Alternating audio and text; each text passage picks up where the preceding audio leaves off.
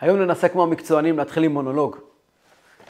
אדם בן כמעט שלושת אלפים שלא מת, שותף פעיל בחיים שלנו, מבקר אותנו בכל ברית מילה ובכל ליל סדר. אנחנו מייחלים לבואו שוב ומתפללים על כך בכל ברכת המזון, בכל מוצאי שבת ובכל פינה כמעט במעגל החיים שלנו. בכל זאת למרות שמהמידע שיש לנו עליו, מדובר בקנאי, קפדן, שאחד מהמלכים שלנו, אחאב, אם שאלתם, כינה אותו, אולי אפילו בצדק, עוכר ישראל. היום נדבר על אליהו הנביא. ונבין מה מצאנו בדמות ההיסטורית הזאת, למה אנחנו כל כך מתגעגעים אליה, ולמה כל כך מחכים שהיא תחזור ותבוא אלינו עם משיח צדקנו. אז מאיפה נתחיל? נתחיל אולי מהציפייה לאליהו. יש מנהג נורא יפה, שראיתי אותו אצל יהודים מבוגרים. כולם יודעים שמוצאי שבת מזכירים את אליהו הנביא. מוצאי שבת מזכירים את דוד המלך, את אליהו הנביא ואת הבעל שם טוב. את אליהו הנביא מזכירים. יש מנהג יפה שראיתי אצל יהודים אשכנזים זקנים, שמזכירים את אליהו הנביא מאה פעמים, או מאה ואחת פעמים, או... אה? ק"ל, 130 פעמים. כן, אני, היה לי דוד זקן, שהיה כל מוצאי שבת, היה נעמד על יד הזקן, זקן, זקן, אני אומר לכם. הוא היה נעמד בעצמו, התחיל לספור, וויו, הנובי, וויו, אל תשביעו, וויו, הגיעו עוד, וויו, היה מנגינה שלמה, וויו, אל תשביעו, וויו, אצל הרוסים, העיירה שלו, שנקראת נבל, לא היו אומרים למד, זה היה ממש, וויו, הנובי, וויו, אל תשביעו, אחר כך יושב וסופר וסופר. גם חמי, כל מוצאי שבת, יש, שרוצים לצייר את דמותו, אז תמיד מיד אחרי הבדלה הוא מקפל את הטלית, כפי המנהג, ליאונובי, ליאונובי, ליאונובי, ליאונובי, ליאונובי, ליאונובי, ליאונובי, הוא היה מחליף את התארים, הוא אומר אותו דבר, אבל מאה ואחת פעמים, אומרים מאה פעמים, מאה שלושים פעמים, כל מיני מספרים יש. אומרים אליהו הנביא. ולמה במוצאי שבת מזכירים את אליהו הנביא כל כך הרבה פעמים? אז שני, יש לזה שתי סיבות, שהן שתיהן לוקחות אותנו לנושא שאני רוצה לדבר עליו היום. סיבה ראשונה, כתוב בחז"ל, יש חז"ל מופלא. שאומר שבכל מוצאי שבת אליהו כותב את זכויותיהם של ישראל. יש לו בלוז שלו, אליהו הנביא מחזיק יומן אלקטרוני, כל מוצאי שבת הוא מקבל הודעה, עכשיו לפנות זמן, לספור ולכתוב את זכויותיהם של ישראל. החז"ל הזה הוא, הוא לא סתם חז"ל, אנחנו נדבר עליו עוד מעט קצת, אבל אני קודם כל אפתח אותו. זה סיום ציטוט, כך מופיע בטור. מוצאי שבת אליהו הנביא יושב, הטור זה ספר הלכה מאוד חשוב, שם כתוב שמוצאי שבת אליהו הנביא יושב וכותב זכויותיהם של ישראל, ולכן מזכירים אותו מוצאי שבת. אבל המקור הוא, הוא ארוך יותר ומעניין יותר. המקור הוא במדרש רות. שם כתוב מדרש קסום. שם כתוב שכאשר רות המואביה הגיעה משדה מואב, ואישה שונה, גרה, כן? במובן הפשוט של המילים, עוד לפני שהייתה גרת צדק. גרה, הגיעה אישה לא מכאן, כן, גיורת, ומסתובבת בשדות בית לחם, ושם בועז מקבל אותה ודואג לה, שואל אותה לשמה, ואז הוא, כתוב, ויצבות לה כלי. הוא לקח כלי, כלי זה, הוא לקח קצת שיבולים, וצלה אותם על האש קצת, ונתן לה. ויצבות לה כלי, פופקורן, נכון. אומרים חז"ל, אם הוא היה יודע שזה ייכנס בתוך אחד מספרי, מכתבי הקודש, עגלים פתומות היה נותן לה. אם היה יודע שאנחנו נשב, הרי בסך הכל לא היה שם איזה אירוע דרמטי, כן? שדה, שמש, בית לחם, תחשבו, אישה שונה, מגיעה, קרובת משפחה איכשהו, בעלה לשעבר, חמותה, עניינים, והוא הולך ודואג לה משהו לאכול, ואנחנו עד היום מזכירים את זה. יש פה דבר שהוא קצת כאילו, והמדרש מיד ממשיך ואומר עוד כמה דוגמאות, עוד שתי דוגמאות של אותו הדבר. דבר ראשון, יש פרשת וישב, וישמע ראובן ויצילהו מידם. כן? אם ראובן היה יודע שעד היום אנחנו נזכור את זה, וישמע ראובן, היה לוקח אותו לכתפיים. הוא לא היה מאפשר לזה ככה לעבור. אתה, אדוני, כל העולם במה, ואתה עכשיו השחקן.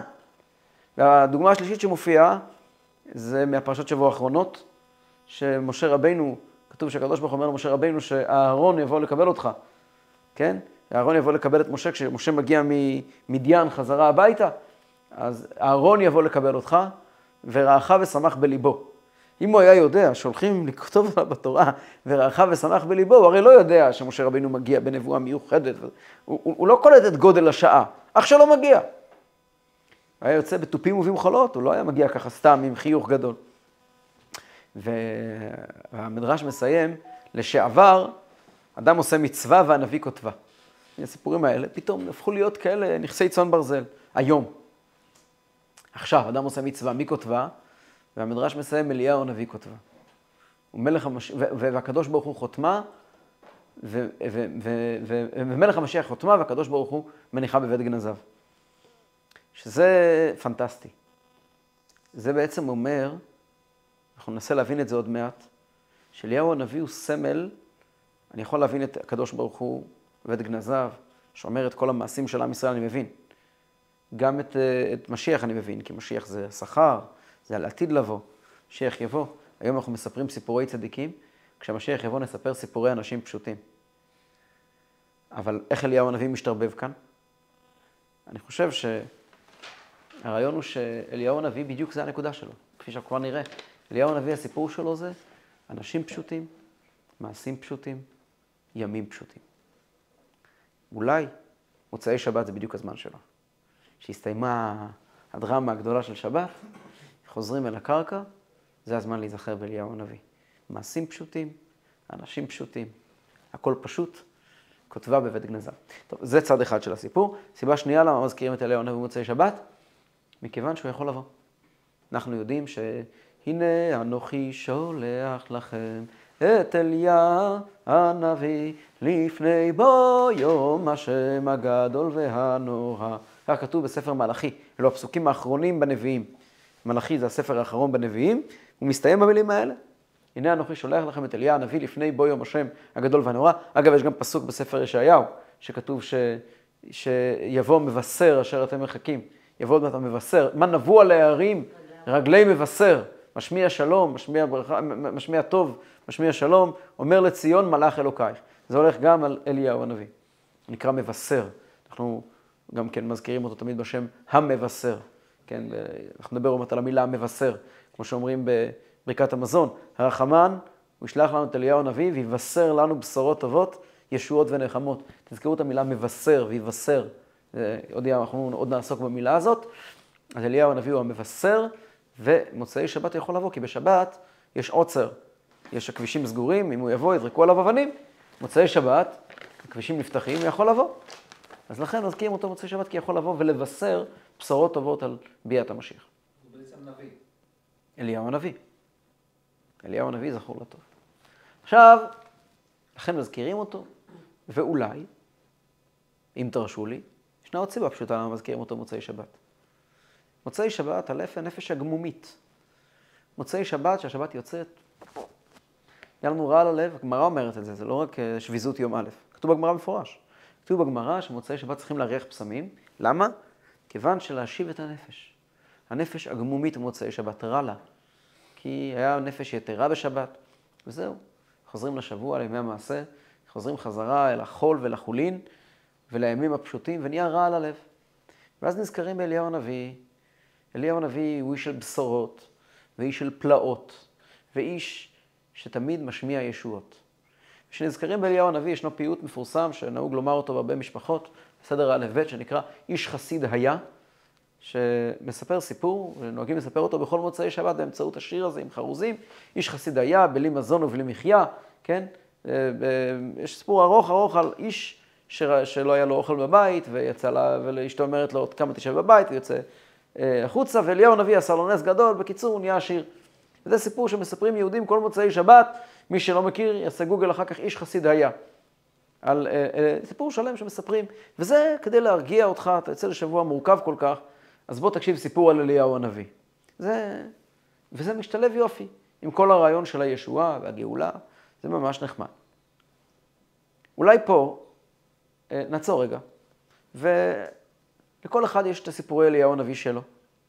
אספר לכם סיפור אליהו הנביא שעובר אצלנו במשפחה. ונכיר את הזוויות האלה הפרטיות, המשפחתיות של אליהו הנביא. אז הנה הסיפור של אליהו הנביא ששמעתי מסבתא שלי, שתהיה בריאה. אה, סבתא שלי היא ילידת אה, לנינגרד. אבא שלה היה המוהל של לנינגרד. הוא היה מעל תינוקות במסירות נפש, עד שהרשעים הארורים, הסובייטים יימח שמם, לקחו אותו והרגו אותו על זה שהוא היה מוהל. נהרג על קידוש השם. הם נשארו בבית, ארבע בנות, ואימא וסבתא. והבנות אה, הגדולות התחתנו, ונשארו בבית שתי בנות. סבתא שתהיה בריאה, ואחותה הגדולה, שתהיה בריאה גם היא. דודה רחל, שליחה של הרבי בתוניס כבר למעלה מ-60 שנה. היא היום בת 100, 99 או 100. דודה רחל. והנאצים מכתרים את, את לנינגרד, וה, והממשלה הסובייטית מאפשרת לכל מי שמצליח לברוח ברכבות מלנינגרד. הכרטיסים רשמית הם חינם, לפי קריטריונים. שום דבר לא מוכרים בכסף, זה רוסיה. אבל כמובן שיש שוק שחור. וכל אחד מנסה להשיג כרטיס, לעלות על הרכבת, כי מי שנשאר בלנינגרד בעצם גוזר על עצמו מוות כמעט ודאי. אנחנו יודעים כמה מיליונים נהרגו בלנינגרד בשנות המצור. אה, הדוד שלה, שהוא גם סבא שלי, והוא גם היה מוהל, כי סבתא שלי וסבא שלי בני דודים. הסבא שלי הוא גם רסקין, סבתא שלי גם. לסבא אבא שלה קראו רבי איצ'קה רסקין, השם ייקום דמו, ולאחיו קראו הרב בן כבייסף רסקין, שהוא אבא של סבא שלי, היה, הוא היה דוד שלה, ולימים חותנה. הוא היה פה גם בארץ מוהל גדול, מפורסם. הוא היה מוהל שלי. והוא אה, מנסה להשיג כרטיסים, להוציא את המשפחה, הוא מצליח להשיג כרטיסים בכמות שיכולה להוציא רק את המשפחה שלו. הוא מנסה להתאמץ ולהשיג כרטיסים, להציל, להציל גם את המשפחה, את האלמנה, גיסתו, ואת הילדות שלה. והוא לא מצליח להשיג כרטיסים, כי אין כרטיסים. והבת רחל, שתהיה בריאה, דודה רחל מתוניס, יוצאת ברחוב, ופתאום היא רואה אה, עגלון, מוביל אה, עגלה עם סוס, הוא שואל אותה, יש לך כרטיסים לרכבת? רכבות יוצאות כל הזמן. והיא אומרת לו שאין לי. אז מה לבוא אני אביא לך? היא אומרת לו, אני לא יוצאת לבד. אני צריכה אימא, סבתא ואחותי, כלומר סבתא שלי. והוא אומר לה, יש לי כרטיסים בשביל כולכם. אז היא אומרת לו, אני לא אספיק להגיע הביתה. אומרת, תעלי על העגלה מאחורה ואנחנו ניסע מהר. היא לא יודעת מי הבן אדם, הוא נוסע מהר מהר אליהם הביתה.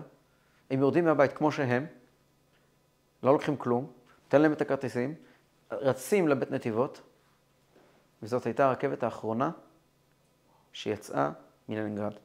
איך שהיא יצאה, הדרכים לצאת מלנינגרד הופצצו, ולנינגרד נכנסה למצור מוחלט. ברכבת הם מצאו את הדוד שלהם, את הסבא רבא שלי. את הסיפור הזה שמעתי גם ממנה וגם קראתי בכתבים של הסבא רבא שלי, שהוא מספר מה שקרה עם אחותו. הוא חותם והוא אומר, אין לי שום ספק שמלאך הברית, שהאבא של הילדות האלה נהרג על קדושת השם, בזכות הברית, מלאך הברית בא להציל אותם. אין שום הסבר מה היה פה. הכרטיסים האלה עלו מיליונים, לא היה להם מחיר. זה היה חיים ומוות ממש. הגיע ברגע האחרון עם מרכבה, עם עגלה, העלה אותם על העגלה, לקח אותם לרכבת. עכשיו, זה לא סיפורים שקראתי בספרים ולא אגדות, ואלו סיפורים ששמעתי בבית מסבתא שלי, כן? שמספרת על עצמה. זה דברים שגדלנו עליהם, גם מסבתא שלי וגם מסבא שלי, שגם הוא היה באותו, באותו, באותו רכבת, כן, בן דוד שלה היה, היום הוא, היום. היום הוא כבר איננו, אבל uh, הוא היה אחר כך בעלה. וסיפורים כאלה יש למכביר, על אליהו הנביא, מלאך הברית. מלאך הברית, אליהו הנביא המבשר, שגם פותחים לו את הדלת בליל, בליל הסדר כל שנה. ולמה פותחים לו את הדלת בליל הסדר כל שנה? כדי, ש... כדי שיבוא ויבשר לנו אולי על הגאולה העתידה. כביכול פותחים דלת, פותחים פתח בלב שלנו, לשמוע את הבשורה הגדולה. דווקא בליל הסדר. אה, הוא מופיע בכל ברית. למה הוא מופיע בכל ברית? פה אנחנו מסתכלים פתאום על הדמות הפחות מוכרת של אליהו הנביא. כאן זה כבר הצד השני של, ה, של הסיפור. הסיבה שאליהו הנביא מגיע בכל ברית בגלל אליהו הנביא כפי שהוא מופיע במקרא. ואליהו הנביא מהמקרא הוא אדם מאוד מאוד לא סימפטי. אליהו הנביא המשפט הראשון ממנו בתורה, והנביא, ויאמר אליהו הנביא מתושבי, אה, אה, מתושבי אה, גלעד, כן? כתוב שהוא נעמד בפני המלך אחאב. המלך אחאב היה מלך רשע, מלך הכי רשע במלכי ישראל, מלכי ישראל היו רשעים ברובם. המלך אחאב היה הרשע מכולם, עוד יותר רשע אפילו מירובעם בן נבט, מכיוון שירובעם בן נבט רק אה, אה, הקים את העגלים בדן ובבית אל, עגלים שבהם עם ישראל היה עובד את השם. זה היה חטא חמור, כיוון שזה לא היה בירושלים בבית המקדש. אחאב הביא לארץ את פולחן הבעל, והפך אותו לפולחן הרשמי. וזה היה חטא חמור מאוד, ואשתו של אה, אה, אחאב, איזבל המרשעת, הרגה את כהני השם, הרגה את, את, את הנביאים. ולא ידע שמתחת לבית שלה מסתתרים להם מאה נביאים. עובדיה היה, היה האיש אשר על הבית, היה מנהל הבית, מנהל, המנכ"ל, מנכ"ל המדינה של אחאב, הוא היה איש ירא את השם, והוא החזיק בתוך שתי מערות 50 נביאים בכל אחת מהן. אבל אחאב לא יודע מכלום, ואיזבל לא יודעת מכלום, ומגיע אליהם אליהו הנביא, אומר להם, אם בשלוש שנים הקרובות חי השם, אלוקי ישראל, אשר עמדתי לפניו, הוא נשבע בשם השם, שבשנים הקרובות לא יהיה טל ומטר, כי אם לפי דברי. אני אחליט מתי יהיה פה גשם. למה? היה כל התועבות שלכם. והוא אומר לו את זה, על פי חז"ל, זה היה באירוע של ניחום אבלים, של יהודי בשם חיאל בית האלי, שהיה מהגוורדיה של אה, אחאב, והוא בנה את העיר יריחו נגד הקללה של יהושע. יהושע הרי כשהוא כבש את יריחו, הוא קילל שמי שיבנה את יריחו, בבכורו ייסדנה ובצעירו יציב דלתיה, דלתותיה. בבן הראשון שלו, כשהוא יבנה את, ה, את, ה, את היסודות של העיר, ימות הבן הראשון שלו, ואם הוא ימשיך, כל הילדים שלו ימותו עד שהאחרון ימות בהצבת הדלתות. וחיאל בית האלי עשה את זה. וכל הילדים שלו מתו. ובניחום אבלים על הבן שלו האחרון, הגיע אליהו הנביא. ואחאב ישב שם. וחיאל התחיל ללעוג על משה רבינו. הוא אומר, יהושע אולי אמר שימותו, וכנראה שזה קרה, אבל משה רבינו אמר, ישמרו לכם פן יפתה לבבכם, וסרתם עבדתם אלוקים אחרים, והשתחוויתם להם, וחרף השם בכם, ולא יהיה מטר, וזה לא קרה. אז כנראה שיהושע מוצלח יותר ממשה רבינו, ככה הוא לעג. אז אליהו הנביא קם ואמר, אמר, וזה גם יקרה. חי השם אלוקי ישראל, לא יהיה פה מטר. והפסיק להיות מטר. ואליהו הנביא הלך, עד שאחרי תקופה ארוכה, כאשר סוף סוף הוא נפגש עם אחאב לפני המעמד הגדול בהר הכרמל המפורסם, אומר לו אחאב, היי, אתה הוא עוכר ישראל. בהבנה הכי פשוטה. בגללך אין פה גשם כבר שלוש שנים. שלוש שנים עם ישראל היה ברעב נורא. בגלל שמשה, בגלל שאליהו נעמד במידת הדין ואמר, לא ראוי ככה שיהיה. אחרי הסיפור בהר הכרמל, הסיפור המפורסם של אליהו בהר הכרמל, של אליהו הנביא, אה, החזיר את כל העם בתשובה, שקראו, השם הוא האלוקים, השם הוא האלוקים. אליהו הנביא בורח, כי איזבל מנסה לתפוס אותו, כי הוא הרג את 400 כהני הבעל, נביאי הבעל, הוא בורח, בורח, בורח, בורח, בסוף הוא מגיע למערת, אה, מערה בהר חורב, הר האלוקים חורב.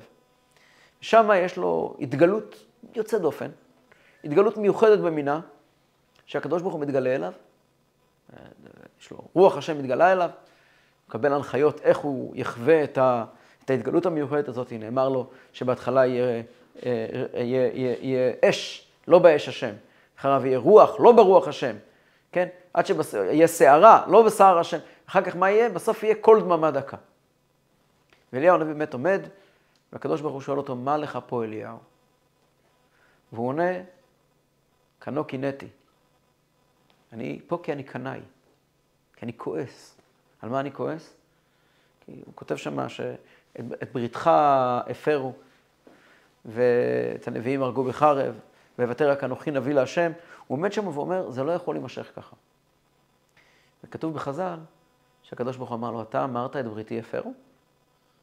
אתה תהיה בכל ברית לראות שזה לא נכון.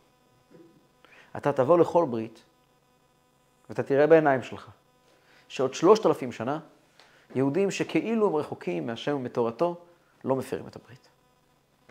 לפני כמה שנים, כשהגעתי לחולון, אני גדלתי כל ימיי בכפר חב"ד או במקומות כאלה, והגעתי לכאן וראיתי איך נראה ליל הסדר ברחובות פה בעיר, שעיר משותקת לגמרי, ואנשים יוצאים עם סירים ועם מחבטות, והולכים כל אחד להורים שלו, ואין אף אחד שלא מציין בצורה כל כך מלאה וכל כך חווייתית. הבנתי פירוש נוסף למה אליהו הנביא מגיע לליל הסדר. בוא, בוא תראה.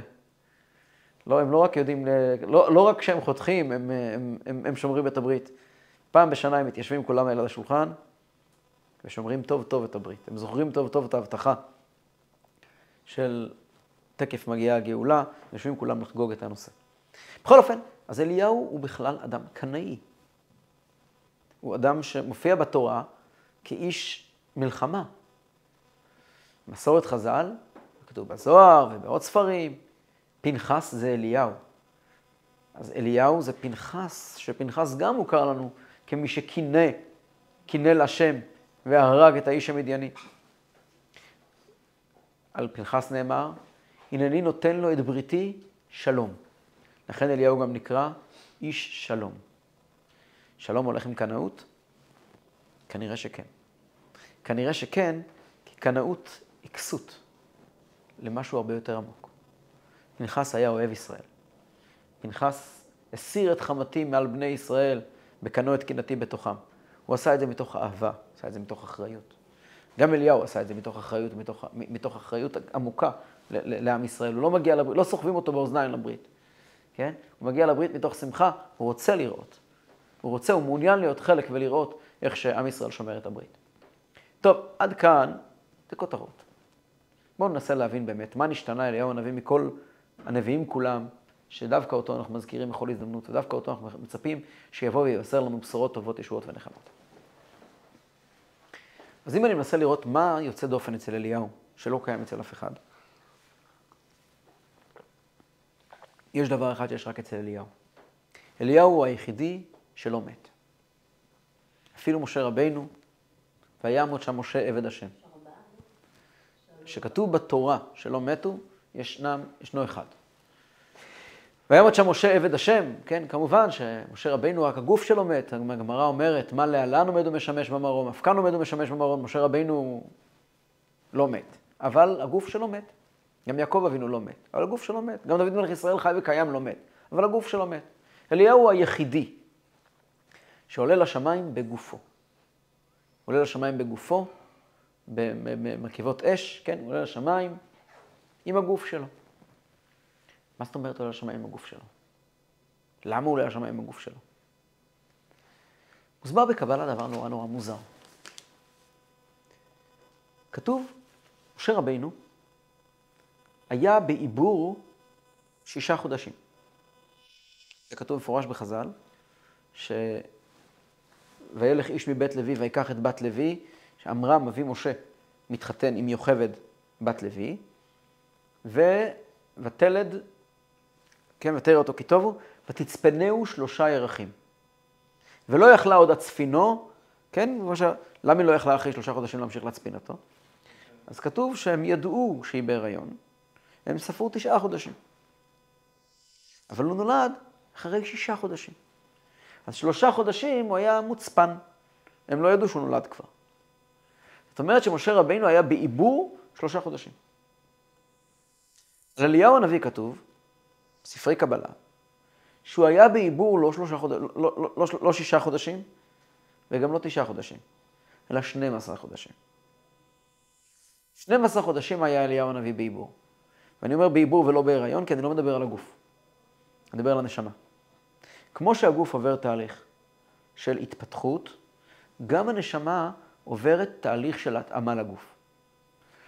נשמה יורדת מהעולם העליון לעולם שלנו, כמו שאנחנו אומרים, כמו שאנחנו אומרים בכל בוקר, אלוקיי נשמה שנתת בי טהוריי, אתה ברתה, אתה יצרת, אתה נפחת בי, אתה משמרה בקרבי, כן? ואתה תתלה ממני לעתיד לבוא. יש תהליך של ירידת הנשמה למטה. בלידה. ויש תהליך של ירידת הנשמה. התחלת הלידה, סוף הלידה? באיזה רגע מסוים, צריך לשאול את הרופא. אבל... נשמה. צריך לשאול את המקובלים. לא יודע, בלידה. כיוון שננער לצאת. הנשמה יורדת, זה תהליך שהיא יורדת לעולם. תהליך שהנשמה עוברת השתנות והתאמה. מלהיות טהורה, מלהיות קודש קודשים, היא הופכת להיות דבר שמתאים לגוף, לתפקד בתוך גוף. השאלה כמה התאמה היא עוברת. אצל משה רבינו היא עברה התאמה מינימלית, שישה חודשים. הנשמה של משה רבינו ירדה טיפה. הגוף של משה רבינו, ותרא אותו כי טוב הוא. הגוף של משה רבינו היה קדוש. משה רבינו נולד עם גוף מסוג אחר. יש אריכות גדולה, יש ספר שכתב אבא של הרמב"ם, שנקרא איגרת הנחמה. שם הוא מעריך ומסביר מדרשים לא מוכרים לנו היום על הגוף של משה רבינו. הגוף של משה רבינו היה מאיר, הגוף עצמו היה מאיר. לא היה לו גוף גשמי כל כך. כתוב, תפילה למשה איש האלוקים, חציו איש וחציו אלוקים. הוא נולד, הוא היה ילוד אישה, אבל כל הלידה שלו היה פלא אחד גדול כזה. אחרי שישה חודשים, אימא בת 130 כמעט, יותר. וכל הסיפור שם היה משהו כזה מופלא. ברגע שהוא נולד, התמלא הבית כולו אורה, הוא עוד לא עשה כלום. היה לו גוף מאוד מאוד גבוה. הוא נועד לתפקיד שלו. הוא לא נולד ועבר דרך חתחתים כדי, ונבחר בשלב מסוים. משה רבינו לא נבחר, אברהם אבינו נבחר. משה רבינו לא נבחר. משה רבינו נולד כמיועד לתפקיד הזה. יש אנשים בהיסטוריה, כתוב, ראה הקדוש ברוך הוא בצדיקים שהם מועטים, עמד ושתלם בכל דור. יש אנשים שנולדו עבור מטרה. כמו יוסף. כמו הבעל שם טוב. יש אנשים שנולדו כדי לתת לעולם בשורה מסוימת. ויש, אגב, לא רק הבעל שם טוב, יש עוד צדיקים, כל בעצם, בעל התניא, יש סיפורים שעוד לפני שהוא נולד, הבעל שם טוב הכין את ההורים שלו, וגם הרבי שלנו, דרך אגב, ההורים של הרבי לא היו אדמו"רי חב"ד. אבל אימא של הרבי סיפרה שאבא שלה, שהיא קיבלה מהרבי הרש"ב בלובביץ', סדרה של הנחיות איך להתנהג בזמן הלידה ואחרי הלידה, ואפילו היה לנו הנחיה, רק כדי להבין על איזה רמה מדובר, מהרבי הרש"ב בלובביץ', שאת הילד הזה, ליטול לו ידיים כשהוא קם בלילה, כשהוא קם בלילה כדי אה, אה, לנהוג, כדי לאכול. היא קיבלה הנחיה. פעם היא אמרה, היא הייתה אישה מאוד מאוד רציונלית, אימא של הרבי. אישה מאוד מאוד מפוכחת. היא בכלל הייתה אישה מאוד דעתנית וחכמה ואשת אשכולות. והיא, היו נכנסים לבקר אותה, חסידים, ביום ההולדת של הרבי, והיה לאחל לה לחיים. והיא פעם אמרה לחסידים, אני יכולה להגיד לכם עליו דבר אחד, הוא קדוש מרחם. הוא קדוש מרחם. זה לא תהליך, הוא נולד ככה. קדוש מרחם. עכשיו, זה לא נאמר על כל אחד, בפירוש לא. אנשים מסוג מסוים שנועדו למטרה מסוימת, נועדו לתפקיד מסוים, כדי להאיר את העולם, אנשים עם נשמות מיוחדות. כן. אליהו הנביא אומר לנו במדרש, אומרים חז"ל, היה 12 חודשים בעיבור. זאת אומרת שהנשמה שלו ירדה וירדה וירדה וירדה וירדה, והיא לא הספיק, ירדה עוד ועוד ועוד, כלומר, עברה עוד ועוד התאמות ועוד ועוד התאמות, עד שהתחברה לגוף שלה. מה שאומר שאולי היה לו גוף מאוד נחות. ואולי הנשמה שלו גם כן עברה התעבות והתעבות והתגשמות, כמה שייך לומר דבר כזה על נשמה, עד שהתחברה לגוף שלו. ההבדל בין משה לאליהו כתוב בחסידות, זה ההבדל בין שני טיפוסים של יהודים, והם אבות טיפוס. משה נקרא עובדי השם בן נשמתם. אליהו נקרא עובדי השם בגופם. האתגר של משה רבינו היה לקחת את הנשמה שלו ולהפיץ אותה לכולם. האתגר של משה אליהו הנביא היה לתקן את הגוף שלו, להתרומם. ולכן, כשמשה רבינו משלים 120 שנה כאן בעולם הזה, שהנשמה שלו כאן זורחת בעולם, מאירה את כל העולם, היום מלאו ימיי ושנותיי, הגוף שלו מתפקד אותו דבר, לא נס לאחור, ומשה לא נס לאחור ולא קעתה עינו, אותו דבר, 120, מתחיל בגיל 80, מסיים בגיל, בגיל 120, לוקח את הדברצ'יק הקטנצ'יק הזה, שהחליפת חלל שקוראים לגוף, ויקבור אותו שם בגיא, והוא ממשיך את החיים שלו. כי הרי כל הגוף שלו היה בסך הכל חליפת חלל.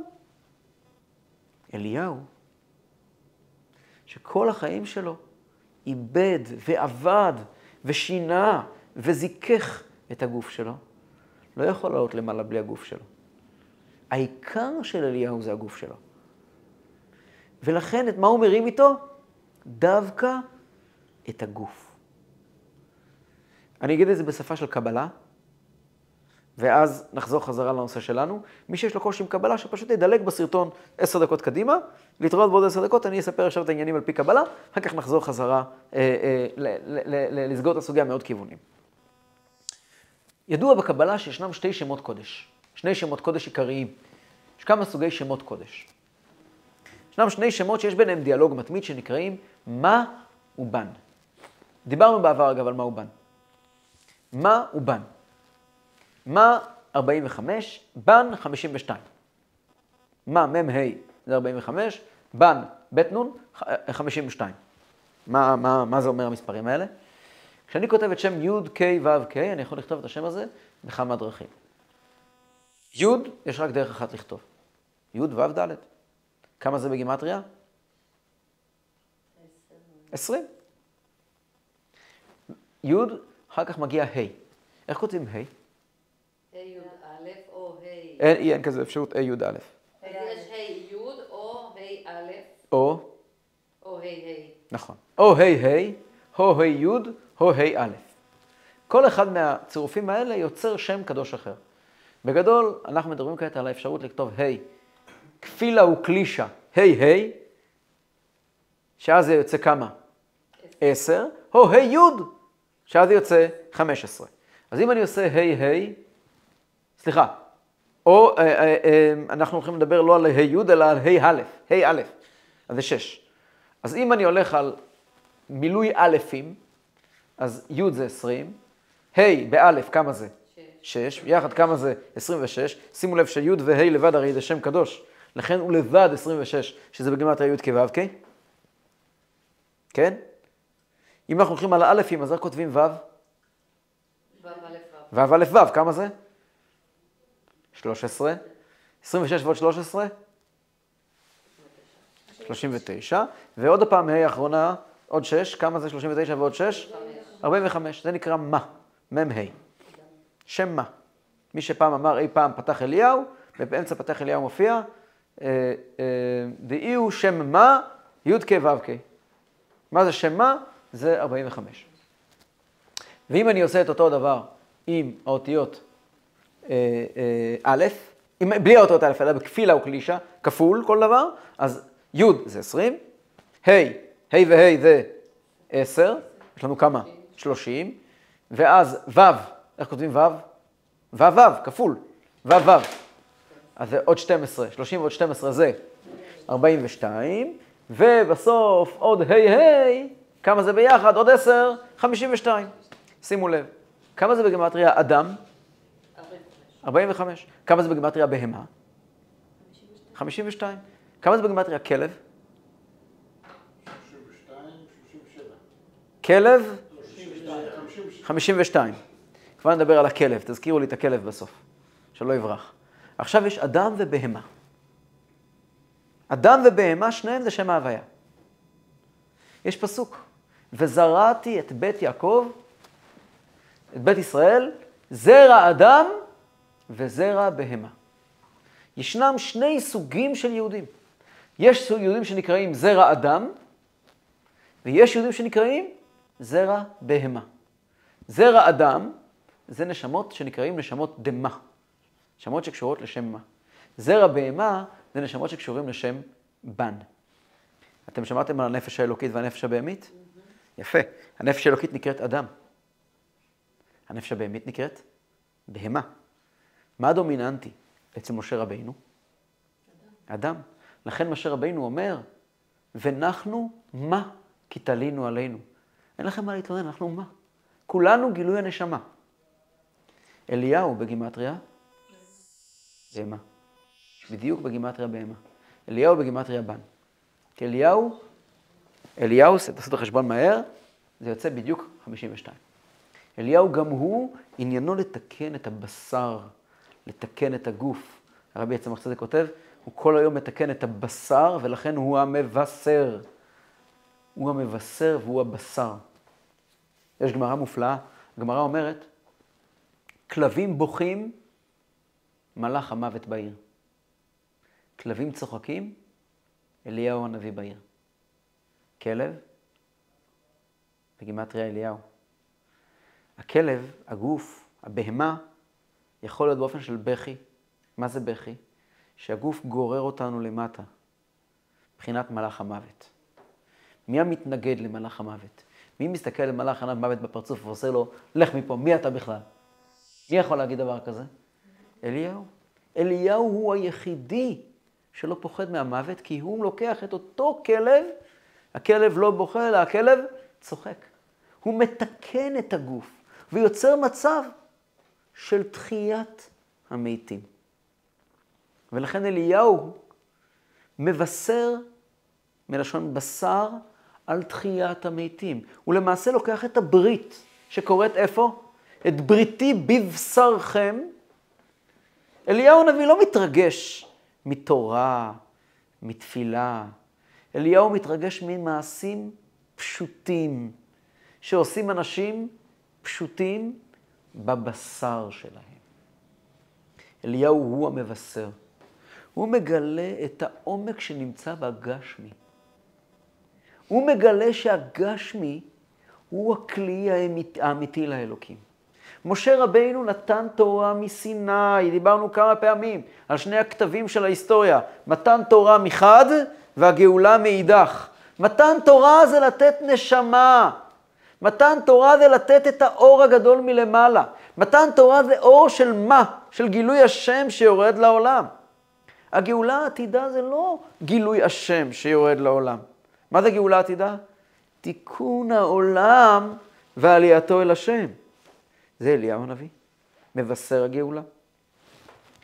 התקווה לאליהו, הסיפור של אליהו, הוא למעשה סיפור שמגיע ואומר, Don't worry, העולם הוא לא אויב, העולם הוא שלנו. זו הבשורה הגדולה של אליהו. לכן אליהו כל כך נחרד מעבודה זרה. משה רבינו לא כל כך מפחד מעבודה זרה. הוא מזהיר, יש פה אור אלוקי, הקדוש ברוך הוא נמצא, ובבקשה לסלק את כל מי שמפריע. אליהו הנביא מגיע מלמטה והוא אומר, אני יודע לאן בן אדם יכול להגיע. למה אתם הולכים בדרכים עקלקלות? הוא לא יכול לראות את זה. הוא לא יכול לסבול את זה שהולכים לשם ולשם ולשם. ובתגלית הגדולה, בהר חורב, אומר לו הקדוש ברוך הוא, לא ברעש השם, לא בסער השם, לא בסערה ולא ברעש ולא באש. אתה צריך להגיע למצב שתיקון הגוף יהיה בלי קונפליקטים. כל דממה דקה. בשורת אליהו מאותו יום הופכת להיות בשורת כל דממה דקה. מה אליהו הנביא הביא לעולם? אליהו הנביא הוא מי שגילה את ספר הזוהר לרבי שמעון בר יוחאי. אליהו הנביא היה המורה הראשון של פנימיות התורה. אליהו הנביא הוא האיש שמספר את הסוד הפנימי של הגשמי. ולכן, כשאנחנו מצפים לאליהו הנביא, מתי אומרים את זה בברכת המזון? סיימנו לאכול, אכלנו ושתינו, האוכל היה בריא, אמרנו בגנון, עכשיו נברך כולנו ונודה לאלוקים. ואז מזכירים את אליהו הנביא, על האוכל, על כוס יין מלא, כברכת השם. זה הזמן להזכיר את אליהו הנביא, שמזכיר לנו שהאוכל הוא גם הקדוש ברוך הוא. והחיים הפשוטים הם גם הקדוש ברוך הוא. וקשה לך, אליהו הנביא יבוא ויראה לך שהכל נס. הכל, כל מה שנראה לך טבע, הוא בעצם למעלה מן הטבע, והוא בעצם הכיסא האמיתי שעליו יכול לבוא הקדוש ברוך הוא, כמו שאומרת הברייתא המפורסמת, ואליהו הנביא מביא את תחיית המתים.